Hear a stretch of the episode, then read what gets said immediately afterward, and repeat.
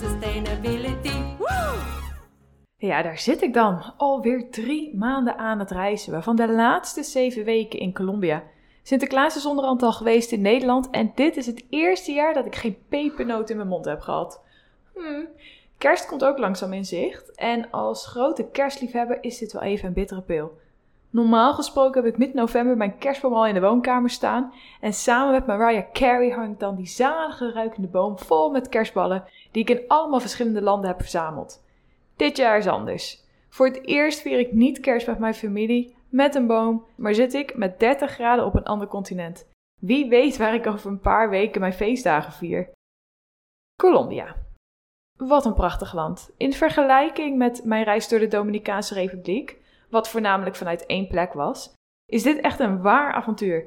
Langzaam reizen we door het land, waarbij ik ben begonnen in de hoofdstad Bogota.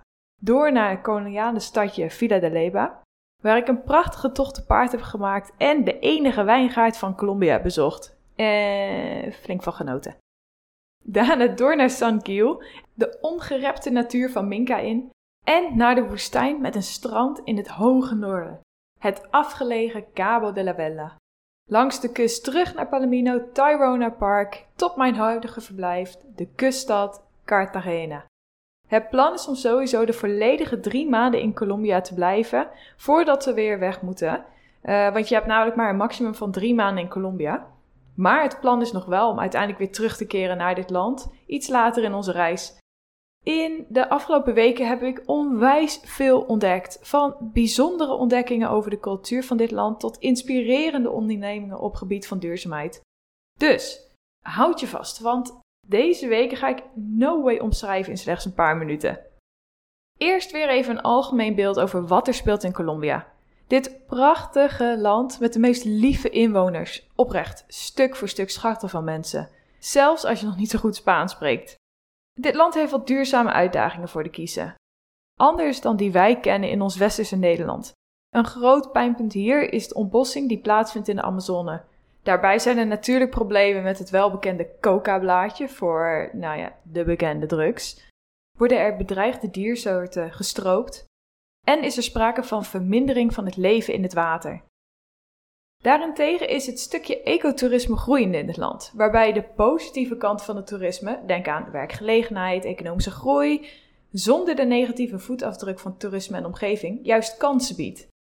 Zo sluiten ze bijvoorbeeld om de zoveel tijd het bekende Tyrona Park, waardoor het leven daar weer wat rust krijgt en kan herstellen waar nodig. In mijn reis ben ik een aantal bijzondere plekken tegengekomen. Zo verbleef ik een week lang, als de mij nog langer, in een eco-stay hoog in de bergen bij Minka. Met een bus en een motortaxi werden we de berg opgereden. Oh, echt, mijn billen doen nog pijn bij deze gedachte, want wat een hobbelige rit was dat. Ergens in het dichtbestonden middle of nowhere kwam ik terecht bij Finke Carpe Diem. Een verblijf van het Vlaamse stel Kobe en Martina, die volledig is gebouwd in harmonie met de omgeving.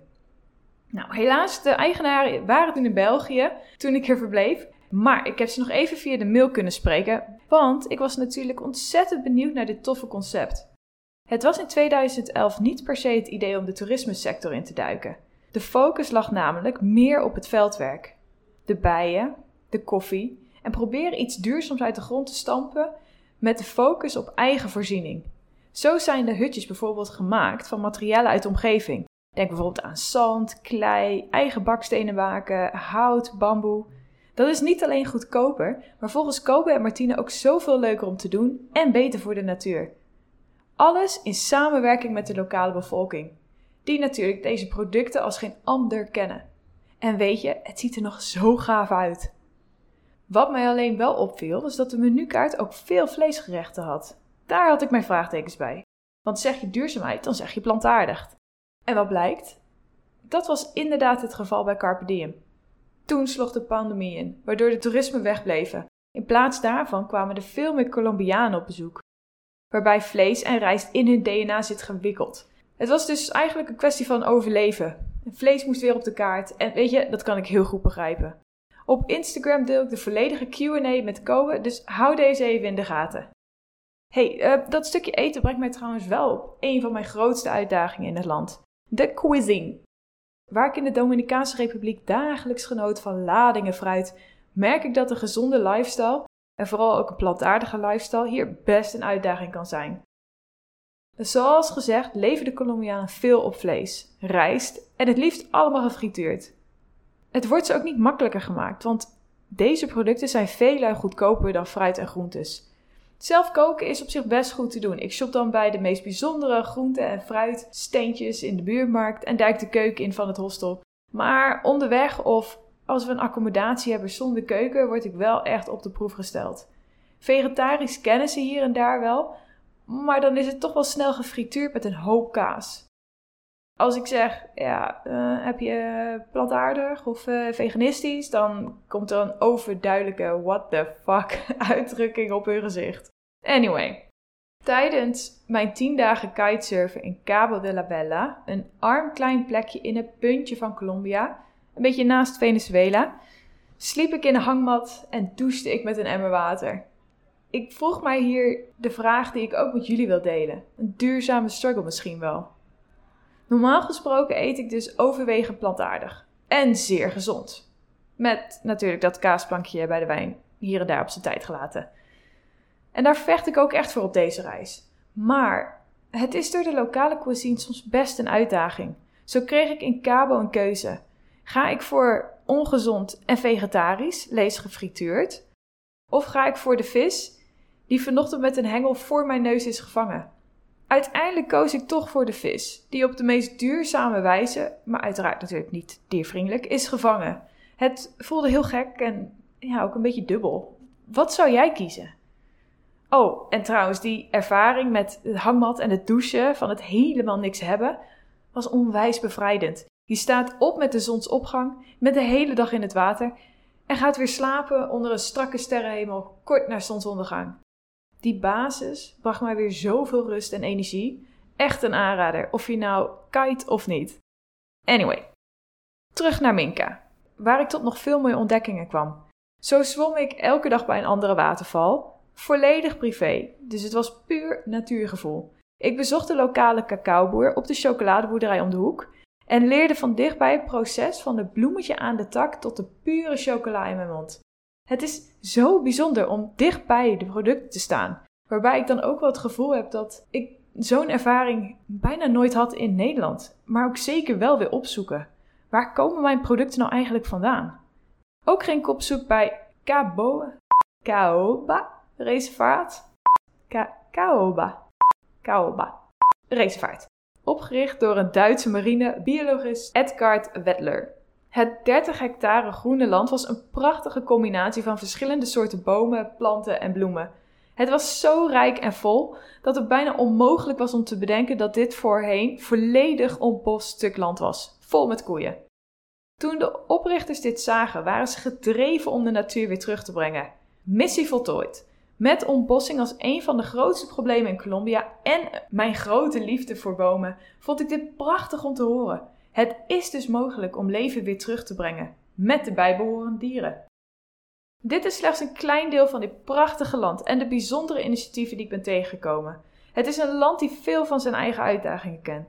Zowel armoede als onderwerpen als duurzaamheid. En over dat duurzaamheid, met name door de westerse invloeden. Denk bijvoorbeeld aan de problemen van ontbossing voor onze producten.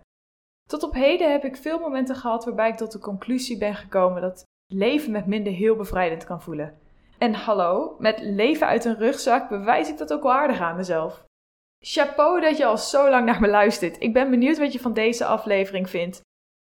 Oh, en in de show notes heb ik wat linkjes toegevoegd met meer informatie over de Ecolarts Carpe het reservaat, Tawi Kite, uh, wat dan de kiteschool en het verblijf is in Cabo de la Bella. Ook vind je een linkje naar mijn bericht over een hondenopvang in Palomino. Dit heeft misschien niet zozeer met het onderwerp duurzaamheid te maken, maar zij doen zo mooi werk dat ik hen een podium wil geven. Naast de klimaatproblemen die zij hier in Colombia hebben, zijn straathonden ook nog wel een aardig groot probleem. En ze zijn overal te vinden. Graadmager, maar nog steeds onwijs lief naar alle mensen. Zij hebben stuk voor stuk een plekje in mijn hart gewonnen. En misschien neem ik er wel eentje mee in mijn backpack. Dark Shelter Palomino is een initiatief die de straathonden helpt. Zij castreren namelijk de honden om zo het aantal uiteindelijk te verminderen en proberen deze honden een nieuw huis te geven. Dit doen ze volledig vrijwillig.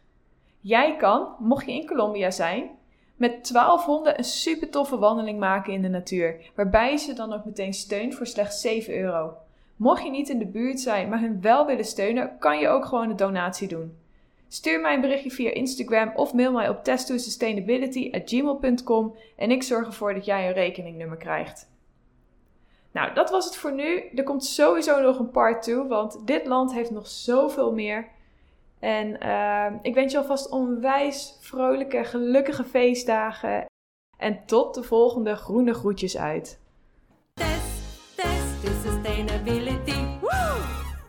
Woehoe! Samen hebben we weer een stap in de groene richting gezet. Jij topper. Ik hoop dat je net als ik geïnspireerd voelt naar deze aflevering. En wat neem jij vooral mee? Laat het mij weten via Instagram at Sustainability of deel het in de reviews op Apple Podcast. Oh, en um, help je mij mee de duurzame vreugde te verspreiden in Nederland? Deel dan deze aflevering op Instagram en vergeet mij niet te taggen. En als laatste, heb jij tips, tricks of feedback voor mij? Laat het mij ook vooral weten. Tot de volgende aflevering.